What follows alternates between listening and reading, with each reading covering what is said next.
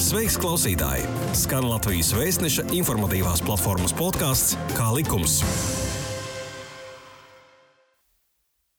Esiet sveicināti Latvijas vēstneša valsts tiesiskās un pilsoniskās informācijas platformas podkāstā Kā likums. Mans vārds ir Edīta Brīkmana, un šoreiz runāsim par daudziem vecākiem aktuālu tēmu - uzturlīdzekļu vasaras periodā. Mana saruna biedra ir zvērnāta advokāte Dana Rona. Labdien! Labdien, Dana! Bet sākumā neliels ievads. Es domāju, ka lielākā daļa vecāku zina, ka valstī ir noteikts minimālais uzturlīdzekļu apmērs, kas ir jānodrošina katram bērnam. Un tā ir likumā noteikta fiksēta summa.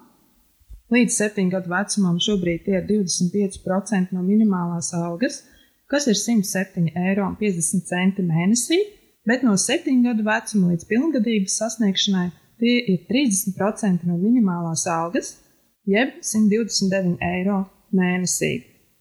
Bieži tiek runāts par to, ka um, vecāki nemaksā uzturlīdzekļus, bet Šoreiz parunāsim par tiem vecākiem, kuri ne tikai maksā, bet arī aktīvi piedalās um, bērnu audzināšanā.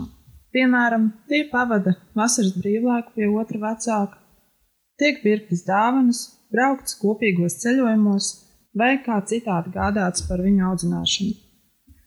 Kā tādā gadījumā ir iespējams maksāt uzturlīdzekļus, vai vienmēr jāmaksā šī likumā noteiktā summa,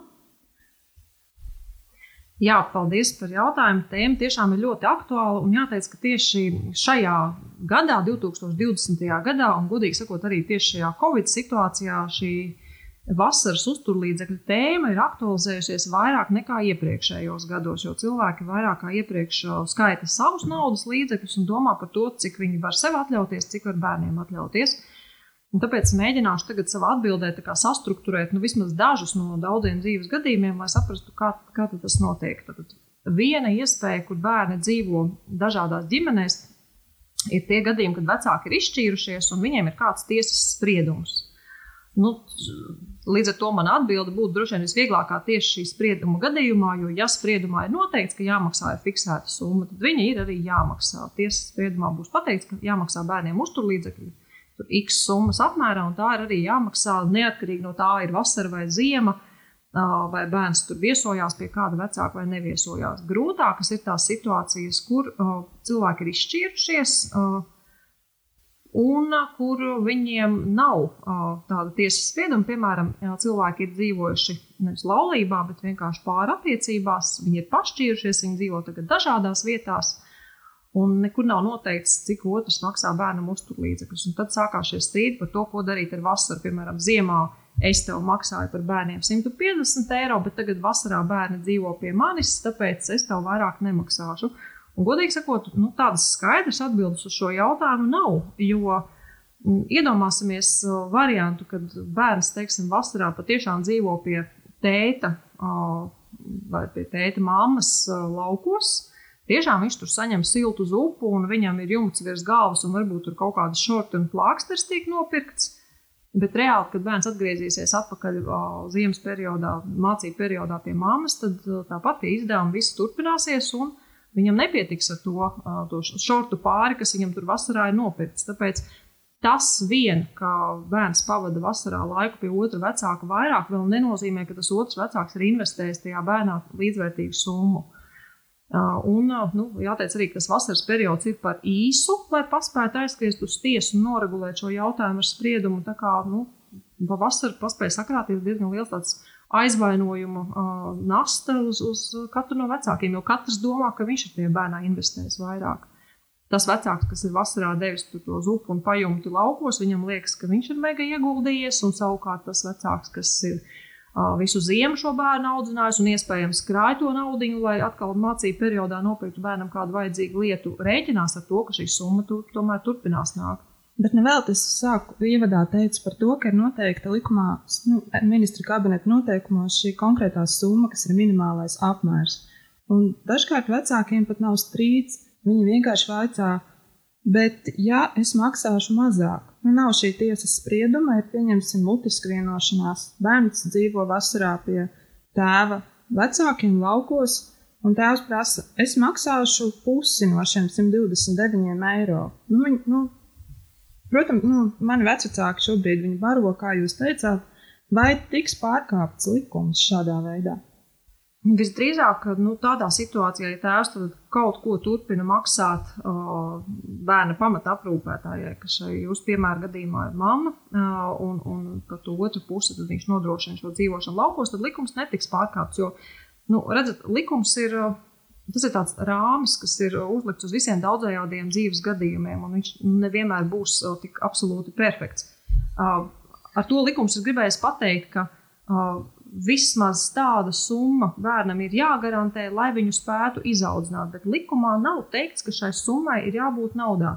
Civil likumā ir noteikts, ka, mm, un tas ir 179. pāns, pirmā daļa, vecāku pienākums ir uzturēt bērnu.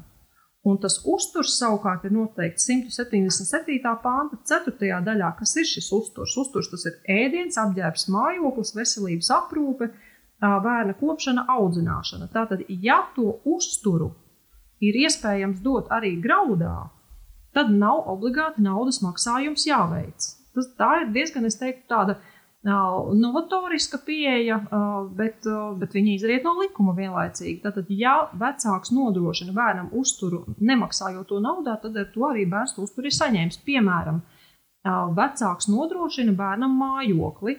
Arī mājoklis ir vērtība, un līdz ar to vecākam nebūtu jānodrošina mājoklis, plus vēl kaut kāda nauda par uzturu. Bet, tā, tā, tāpēc šī, man... vas, šī vasaras situācija, nu, viņi iet ārā no rāmjiem. Viņi varētu būt tiešām, ka daļēji uzturlīdzekļi tiek maksāti naudā, un daļēji tēvs dod citā devumā. Bet, manuprāt, ir ārkārtīgi svarīgi pieminēt, ka tas ir iespējams tikai tad, ja abi vecāki tam piekrīt. Taisnība, pilnīgi jums piekrīt. Jā, tas būtu ar abu vecāku vienošanos, un tam nevajadzētu būt viena vecāka ultimātam, ka, vai arī viena vecāka izvēlei, ka, šajā vasaras periodā vai šajā mēnesī tu uzturu saņemsi šādā veidā. Vai būtu vēlams šādus jautājumus, teiksim, atrunāt kādā līgumā, vai pat iepriekš par to vienoties, ka vasarā var mainīties šī summa? Būtu jau ļoti labi, ja būtu šādas vienošanās, bet uh, praksē viņas ir diezgan reti. Tomēr cilvēki vai nu mutiski paši sarunā, jo, jo vienošanās nozīmē, ka ir jāiet pie kāda juridiskās palīdzības sniedzēja, jāraksta šī vienošanās, un tie ir papildus tēriņi, ko cilvēki nevienmēr var atļauties. Uh, Otrakārt, ja cilvēki paši mēģina to vienošanos uzrakstīt, tad reizēm tādas vienošanās lasot, liekas, nu labāk tā vienošanās nebūtu bijusi, ja, jo viņa vēl tikai vēl jaunus strīdus rada ar tiem formulējumiem, kas ir iekļauts. Un treškārt, nu, dzīve ir tik daudzējāda, ka pat ja mēs ļoti, ļoti censtos tajā vienošanās visu aprakstīt, mēs nevaram tur visu iekļaut. Kā likums? Kā likums? Jā, tu klausies Latvijas Vēstneša informatīvās platformas podkāstu Kā likums? Varbūt mēs varētu vēl mazliet parunāt par to, ko tad īsti nozīmē uzturlīdzekļi. Jo mums arī diezgan daudz e-konsultāciju sadaļā ir jautājumi par to, nu, nu ko tad tai mammai vajag. Nu, ēdienas ir, bērns ir pabarots. Um, vasarai tīpaši uz skolu nav jāiet. Jā, tiešām bērni aug ļoti dažādos apstākļos, un tās vecāku ekspektācijas vai vecāku iedomu par to, kā bērnu var izaudzināt, arī ir ļoti atšķirīgas. Tikpat labi bērns var augt, nu, kā ielas bērns, ja viņam vienkārši kaut kas mugurā ir uzvilkts, laikapstākļiem atbilstoši. Pāris reizes dienā viņš kaut ko apēd. Jā, tādi bērni arī izaug. Viņi iet valsts pašvaldības skolās, viņi apmeklē varbūt kādu valsts apmaksātu pulciņu. Tādi bērni izaug un viņi izaug arī ļoti labi. Bet ir vecāki, kas vēlās dot saviem bērniem kaut ko vairāk kādu īpašu nodarbību, lai apmeklētu bērns, varbūt kādu labāku apģērbu gabalu, varbūt kādu sporta inventāru vēlās nopirkt. Un tur šis, šajā brīdī, kad mēs paceļamies virs absolūtā iztikas minimuma, tad šīs, šīs strīdu situācijas sāk arī augt. Un tas vecāks, kas grib bērnam dot ko vairāk, arī ir tas, kas prasa šos uzturlīdzekļus un saka, ka man nepietiek ar, ar to minimumu. Bet es vairāk domāju tādas situācijas, kā jā, tas bērns ir mēnesis vai divus mēnešus pie otra vecāka, un kad dažkārt ir maldīgs priekšstats, ka tā mammai, pie kuras ikdienā dzīvo bērns, pēkšņi vispār nav nekādu izdevumu par bērnu. Jo jūs, kā jau minējāt, ir uh, uzturlīdzekļi nozīmē arī, piemēram, mājokli. nu, tai mammai joprojām ir jāmaksā rēķini par mājokli, kur pēc diviem mēnešiem bērns atgriezīsies un dzīvos. Precīzi, jā, tad šie mājokļu izdevumi ir tie, kas turpinās neatkarīgi no tā, vai bērns tur fiziski atrodas vai nē. Un tāpat arī, nu, nevelti arī, kad tiesā, kad uzturlīdzekļu apmērs tiek rēķināts, viņš tiek rēķināts proporcionāli uz gadu.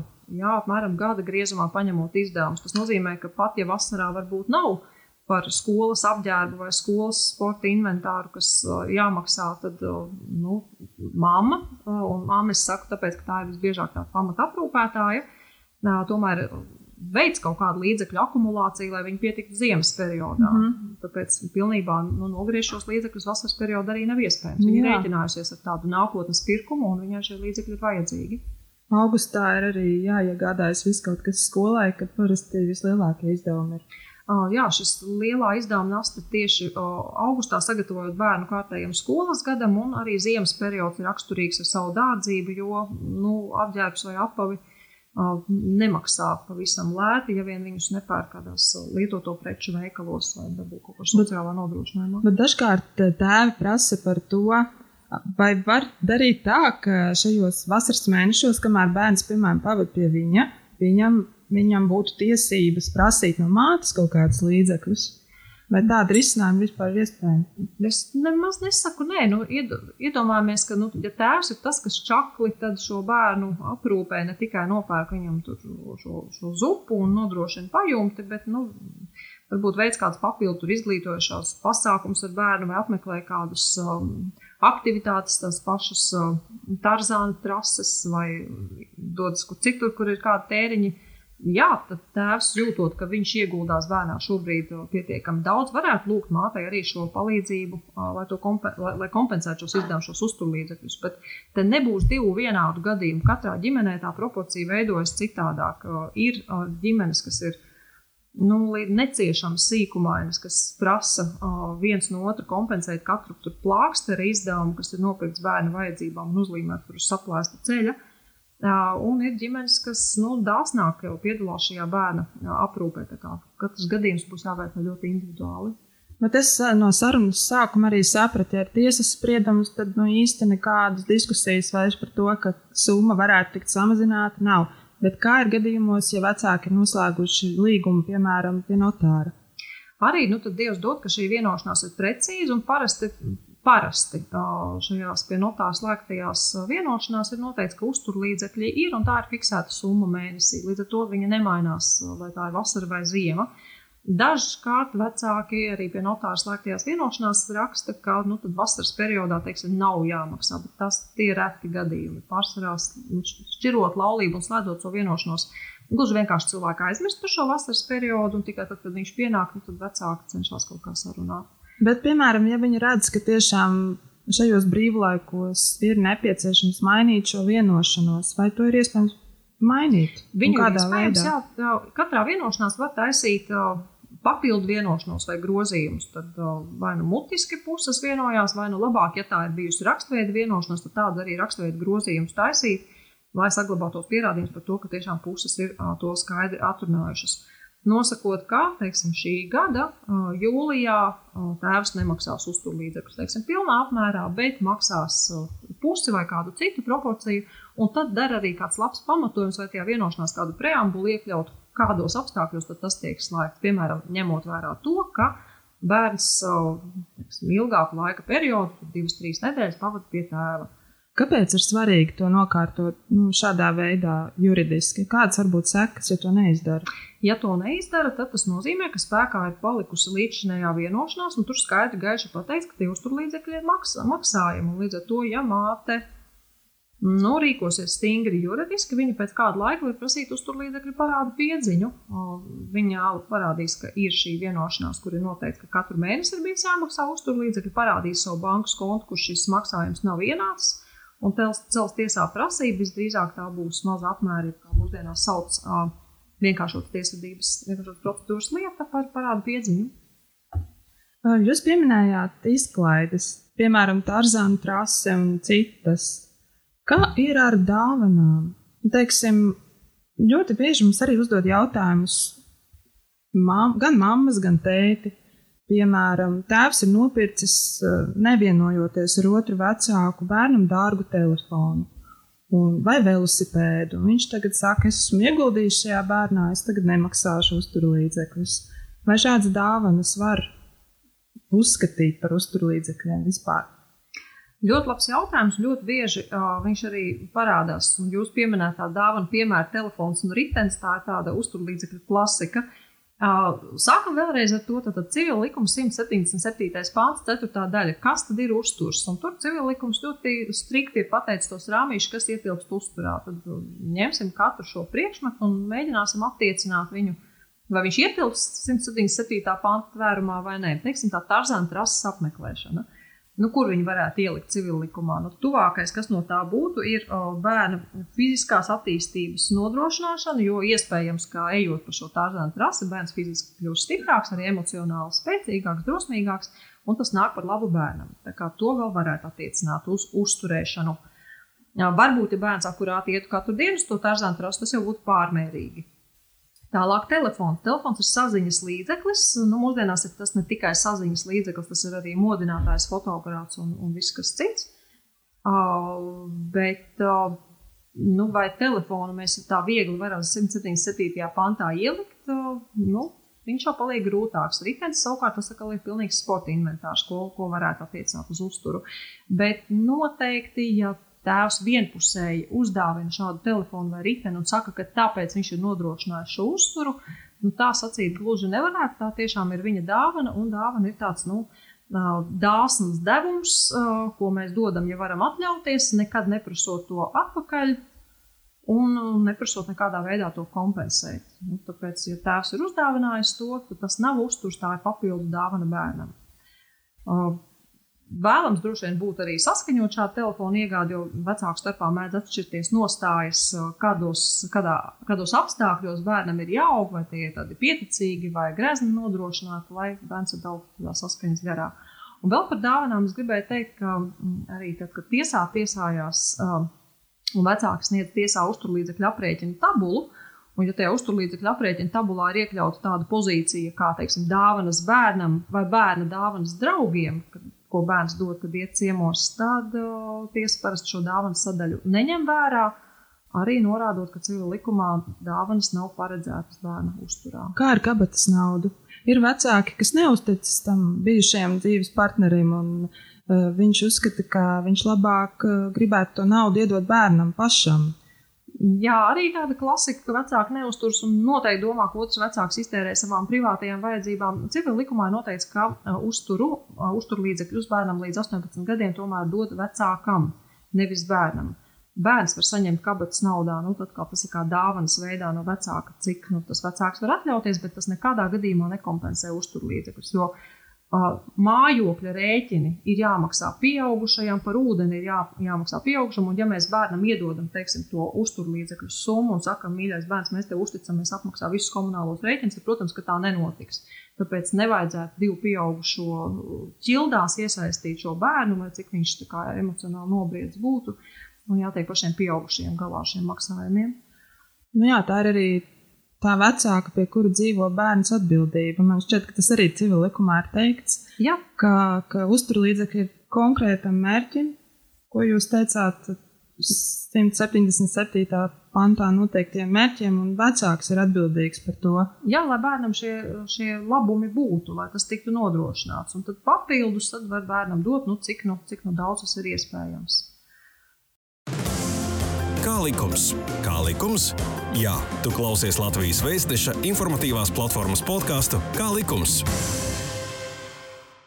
Mums dažkārt arī jautā tādus jautājumus, vai varētu maksāt uzturlīdzekļus ar pārtiku. Nu, teiksim, tēvam ir lauksaim, lauku saimniecība, tur ir pārtika, un viņš sagādā mm, Ja vecāki par to vienojas, jā, tad tas, tas ir iespējams. Kā jau vēlreiz saku, tad uh, civil likumā teikts, ka bērns ir jāuztur, un viens no uzturēšanas uh, pozīcijām ir arī pārtika.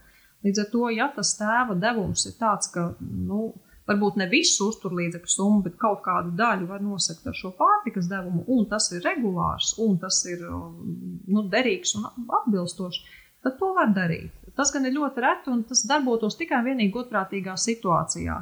Tā noteikti nevajadzētu kļūt par situāciju, ka tēvs vai vienalga, kurš no vecākiem piegādā kartupeļu kravu un saka, nu, tālāk pat pārdot tos kartupeļus un būs tev ienākumi. Nē, tam ir jābūt tiešām kā pārtikai, kas noder tajā mēnesī bērnu uzturam. Bet, ja tā kartupeļu krāva ir nopūsta līdz nezinu, divu nedēļu beigām, tad nav nekāda jēga no šī devuma.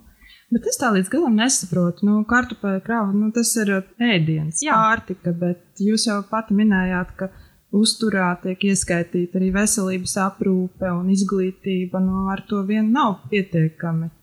Jā, tas nozīmē, ka tad, ja tēvs piegādātu tad, teiksim, šo pārtiku, šos lauksaimniecības produktus, tad tas skaitītos uzturs tikai šo, šo produktu apmērā. Bet noteikti saglabātos pienākums dot uzturu, iespējams, naudā, lai nodrošinātu pārējās pozīcijas. Tā skaitā izglītošanu, tā skaitā apģērba iegādi pārtika būtu tikai viena no šīm daudzajām pozīcijām. Viņš nevarētu sekt visu uzturlīdzekļu apmēru.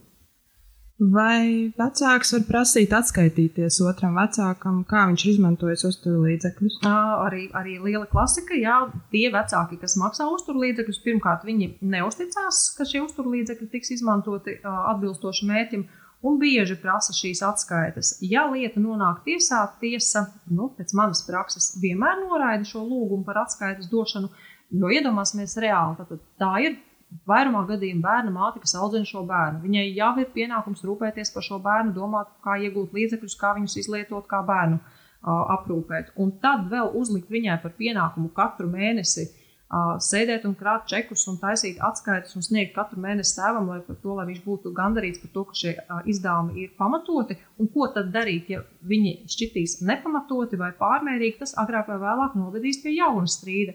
Tāpēc tiesas gadījumā netiek atbalstīts pienākums sniegt atskaites, un arī sadzīviski, pat ja cilvēki neiet uz tiesu un savā starpā vienojās, nav pienākuma tādu atskaitu sniegt. Varbūt var mutiski pastāstīt nelielā apmērā, kas ir nopirkts un cik apmēram maksāja, bet spiest to vecāku vēl kaut kādu grāmatvedību vest par šiem izdevumiem, tas būtu pār mēru. Tad ir uzturlīdzekļi jāmaksā tādā apmērā, lai vēl varētu grāmatvedi algot, kas vestu šos izdevumus. Es zinu, ka bieži ir pretenzijas, ka, piemēram, bērna mamma nestrādā, vai arī viņai ir ļoti, ļoti maz ienākumu. Viņa pra... un tad tie tēvi saka, bet viņai arī ir jānodrošina tie 129 eiro. Kā, kā, kā tas tiek aprēķināts, vai vispār tas tiek rēķināts? Kā to var noteikt, vai mamma tiešām nodrošina to, kas viņai ir jānodrošina? Viens jautājums ir par šiem nestrādājošiem vecākiem. Tur ir jāskatās, kas ir šis iemesls, kāpēc vecāks nestrādā. Vai tas ir slinkuma pēc, vai kāda darba nespējas dēļ, vai varbūt tāpēc, ka mājās ir cits aprūpējums bērns, kuram šī klātbūtne ir vairāk vajadzīga nekā mātes esamība darba vietā. Un otrs aspekts ir, vai ir jāmaksā abiem vecākiem vienādi. Un atbildi ir nē, jo civila likuma 179. pantā pirmajā daļā ir teikts, ka vecāku uzturs samērā ar savu mantas stāvokli un spējām. Un samērā nozīmē proporcijā. Tas, kas ir spējīgāks, maksā un uztur vairāk, tas, kas ir mazāk spējīgs, uztur mazākā apmērā. Un esamība mājās, cilvēka esamība mājās nenozīmē cilvēka dīkdienību. Iespējams, šī, šī darbošanās mājās vai būšana mājās ir vēl vērtīgāka nekā esamība darba vidē. Bet es domāju, ka ļoti daudziem ir grūti saprast to, to 179. panta pirmo daļu, kur ir teikts samērā ar savām spējām. Nu, ja es nespēju tos 129 maksāt, es nespēju, nu, ko darīt? Jēdziens spējas ir, uh, nu, tas ir tāds kārtīgi ģenerāla klauzula, tad, tas ir ļoti ietilpīgs termins. Un ar vārdu spējas, ja puses tiesājās, tiek uztvertas daudzas lietas. Piemēram, spējas, cik cilvēkam ir gadu tajā brīdī. Jaunāks, darbspējīgāks, vairāk spēj strādāt un pelnīt nekā, teiksim, tādos, nu, varbūt vecāka gada gājuma cilvēks. Cilvēks ar labu izglītību vairāk arī iespējams spēj nopelnīt nekā cilvēks ar mazāk. Tad spējas ir vecums, izglītība, iespējams autovadītāja apliecība, iespējams svešvalodu zināšanas, spējas nozīmē arī citi apgādājumie. Tie var būt kā nepilngadīgie bērni, tā pieauguši bērni, invalīdi, tā arī uh, vecāki, kas ir jāuztur. Spējas nozīmē arī veselības stāvokli, pat invaliditāti, kas iespējams cilvēkam ir, respektīvi, vesels buķete ar, ar faktoriem un kritērijiem, ko novērtēt, lai pateiktu, ir vai nav spējīgs. Un kas notiek, ja cilvēks nav spējīgs? Nu, ja viņam, pieņemsim, jā. nav veselības. Viņš ir ārkārtīgi slims. Uh, iespējams, nu, pieņemsim arī invaliditāti personu. Cik es zinu, no viņiem arī piedzen šo minimālo apmēru. Jā, tāpat ir pienākums. Tātad ir šis minimālais apmērs, zem kā nenokrītas. Tas ir o, noteikts ar ministru kabineta noteikumiem, cik lielā apmērā tad, o, šie uzturlīdzekļi ir jāmaksā. Un arī cilvēkiem, kuriem pat vispār, vispār nav nekādu ienākumu spējas, nu, tad viņu vietā maksā uzturlīdzekļu garantija fonds. Un pēc tam uzturlīdzekļu garantija fonds regresa kārtībā cenšas no šiem cilvēkiem piedzīt šos naudas līdzekļus. Tāpēc nu, ir ļoti labi, ka Latvijā ir šāds garantija fonds, kas dod bērniem šos līdzekļus, jo nu, droši vien jau mūsu atmiņā ir aizmirsušies jau tie gadi, ja, kad nebija tāda garantija fonda un kad bērni dzīvoja vispār bez jebkādiem līdzekļiem. Cik es saprotu, katra situācija ir atšķirīga un ko darīt, kad vecāki nu nekādi nevar vienoties? Vai uzturlīdzekļu garantija fonds ir vienīgā iespēja, kā risināt strīdu?